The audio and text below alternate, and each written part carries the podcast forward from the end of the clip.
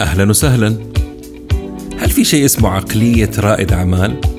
الإجابة طبعا في عقلية لرائد الأعمال. طب هل ممكن أنا أتعلم ويصير عندي أو أمتلك عقلية رائد أعمال؟ برضو ممكن.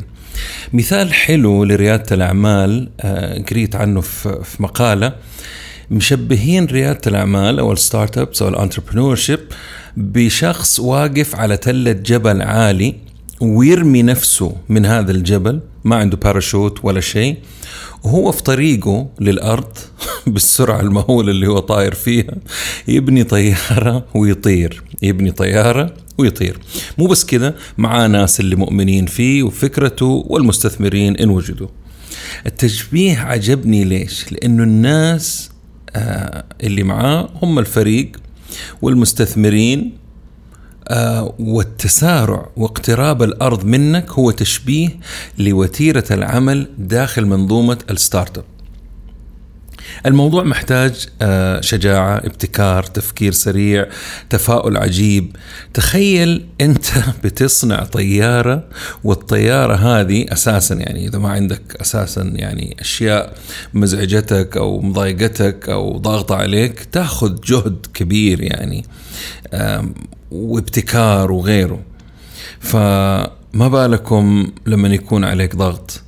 هذا كله ومع الفوضى الخلابة تحتاج مرونة فائقة متجددة حاضرة كمان. يعني وقت ما تحتاجها بوم طلعت لك. نرجع للتشبيه. لو تحطمت الطائرة انتهيت انت ومن معك وهنا نقصد طبعا الفلوس والاستثمارات والفريق نفس الشيء ومعاهم الفكرة. بمجرد ما تقفز من حافة الجبل كل شيء يجيك بسرعة البرق وما يعطيك فرصة تريح زي آه، اقترابك من الأرض في السقوط. تشبيه روعة. عشان كذا يقولوا إنه ال startups أو المشاريع الناشئة البطيئة تموت بسرعة. الشيء المهم في العملية هنا هو ال mindset أو العقلية عقلية رائد الأعمال. وتقدر تتعلم ويصير عندك أو تقدر تتعلمي ويصير عندك عقلية رائد الأعمال. طبعا ما في على فكرة رائد أعمال يشبه الثاني كلهم اختلفوا.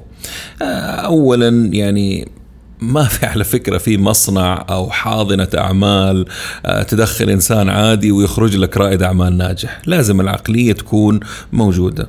آه، ما في وصفة سحرية لأنه الأعمار تختلف التفكير والخبرة والمهارات وغيرها أمور كثير. لكنهم كلهم حسب الدراسات العالمية وحسب ما أنتم شايفين وأنا شايف يتشابهوا في العقلية عقلية رائد الأعمال.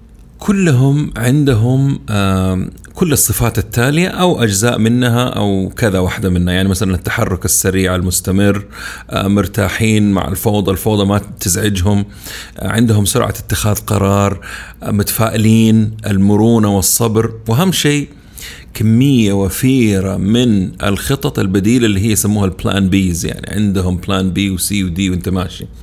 ما تحتاجهم طبعا انت كشخص كرائد أعمال كلهم لكن تحتاج خليط طيب منهم بكميات متفاوتة لكل شخص. البعض عنده الأمور هذه أساسا طبيعية والبعض الآخر اكتسبها مع الزمن والخبرة والأشغال اللي عملها.